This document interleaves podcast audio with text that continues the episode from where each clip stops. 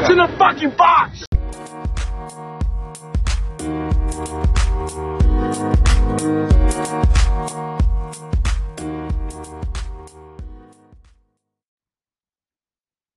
Assalamualaikum warahmatullahi wabarakatuh. Selamat pagi para pendengar What's in the Box. Apa kabarnya?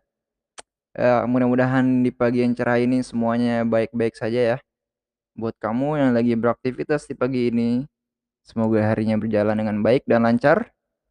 Ya, bareng lagi bersama gue di What's in the Box. You will never know what's in the F box. Ya, sebuah acara yang pastinya bikin pagi kamu makin semangat atau justru bikin galau. Ya, seperti biasa eh gue akan menceritakan sebuah kisah. Sebuah kisah yang eh, menurut gue sangat luar biasa. Ini sebuah kisah eh, legenda tentang narsism. Jadi narsism ini ada ada kisahnya teman-teman. Nah gue akan mencoba menceritakan sebuah kisah ini yang gue ambil dari sebuah buku eh, berjudul The Alchemist dari Paulo Coelho. Jadi kalau teman-teman belum tahu apa itu eh, The Alchemist, teman-teman gue saranin sih buat baca. Ini ceritanya keren banget. Sebuah kisah tentang seorang yang memperjuangkan mimpinya. Ini nggak nggak tebal-tebal banget, ya tipis lah. Jadi teman-teman kalau yang malas baca mungkin masih bisa ngikutin lah dari buku The Alchemist ini.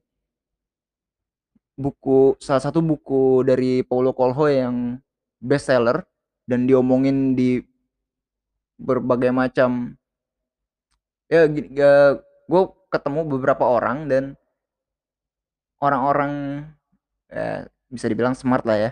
Mereka semua membaca di Alchemist ini. Jadi gue saranin buat teman-teman buat bacalah coba. Ini ceritanya bagus. Tapi gue di sini nggak bakalan ceritain semua isi bukunya. Jadi gue cuma akan mengambil sebuah kisah yang ada di dalam prolog dari buku di Alchemist ini. Sebuah kisah tentang Narcissus. Jadi kisahnya nih uh, di Alchemistnya si di Alchemist di buku ini dia adalah orang yang uh, suka membaca. Jadi dia uh, um, mengambil sebuah buku si alchemist ini mengambil sebuah buku yang dibawa seseorang yang ada di dalam karavan. Lalu si alchemist ini membuka-buka halamannya dan menemukan sebuah kisah tentang Narcissus. Si alchemist itu sebenarnya udah tahu legenda tentang Narcissus. Seorang muda yang setiap hari berlutut di dekat sebuah danau untuk mengagumi keindahannya sendiri. Jadi si Narsisus ini saking narsisnya, dia setiap hari berlutut di dekat sebuah danau untuk melihat pantulan bayangannya sendiri. Setiap hari. Ia begitu terpesona oleh dirinya, dirinya sendiri, hingga suatu pagi ia jatuh ke dalam danau tersebut dan tenggelam, lalu meninggal. Di titik tempatnya Narsisus jatuh itu tumbuh sekuntum bunga yang dinamakan Narsisus. Tapi bukan dengan itu sang pengarang mengakhiri ceritanya. Dia menyatakan bahwa ketika Narsisus mati, dewi-dewi hutan muncul dan mendapati danau tadi. Jadi dewi-dewi hutan uh, menghampiri si danau tempat Narsisus tenggelam dan meninggal. Yang tadinya danau itu semula berupa air segar, sekarang telah berubah menjadi danau air mata yang asin. Lalu dewi-dewi hutan bertanya kepada danau, "Mengapa engkau menangis? Kenapa airmu menjadi asin?" Lalu sang danau menjawab, Aku menangisi Narsisus. Jadi si danaunya ini menangisi seorang Narsisus. Lalu Dewi-Dewi Hutan menjawab lagi. Oh, tak heran lah jika kau menangisi Narsisus. Sebab walau kami selalu mencari dia di hutan, hanya kau saja yang dapat mengagumi keindahannya dari dekat. Jadi sang dewi-dewi hutan ini iri, teman-teman. Karena Narsisus selalu menghabiskan waktunya di tepi danau, bukan di dalam hutan. Lalu sang danau bertanya, "Tapi indahkah Narsisus?" Nah, lalu dewi-dewi hutan bertanya, "Siapa yang lebih mengetahuinya daripada engkau?" Di dekatmu lah ia setiap hari berlutut mengagumi dirinya.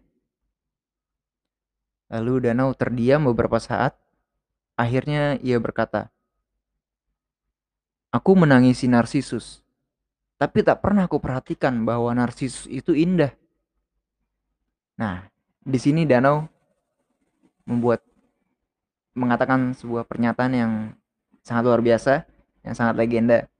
Si danau melanjutkan, uh, pernyataannya, aku menangis karena setiap ia berlutut di dekat tepianku, aku bisa melihat di kedalaman matanya pantulan keindahanku sendiri.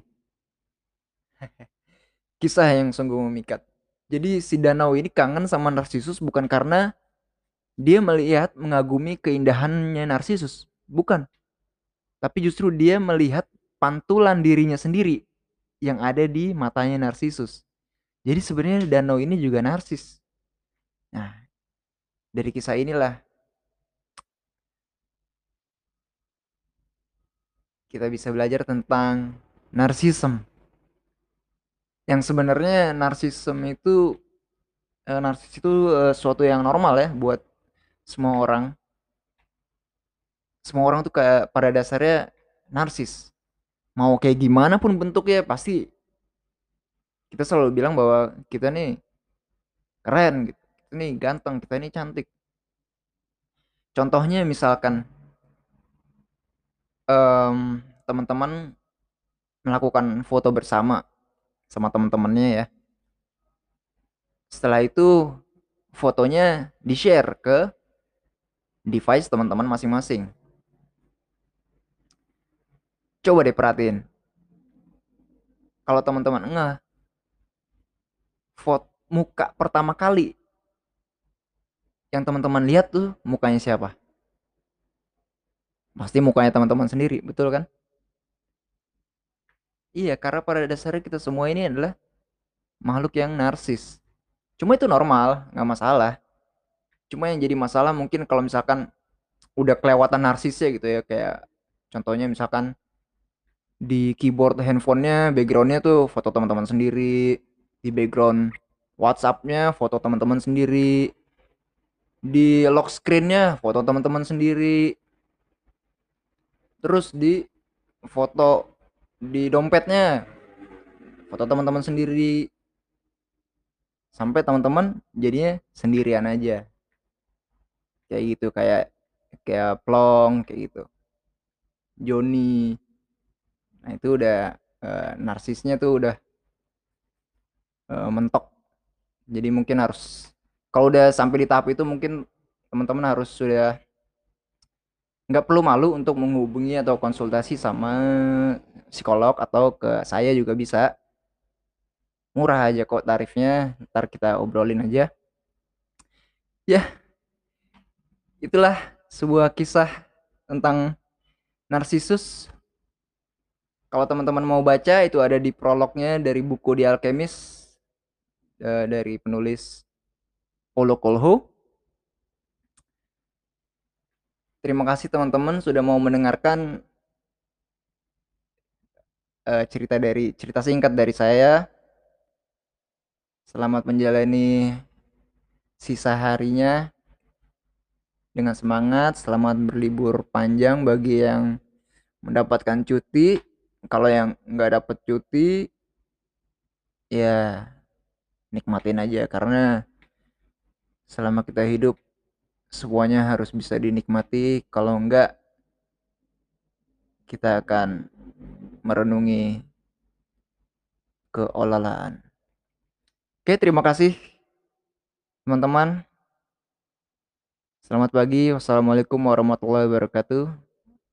See you on the next episode.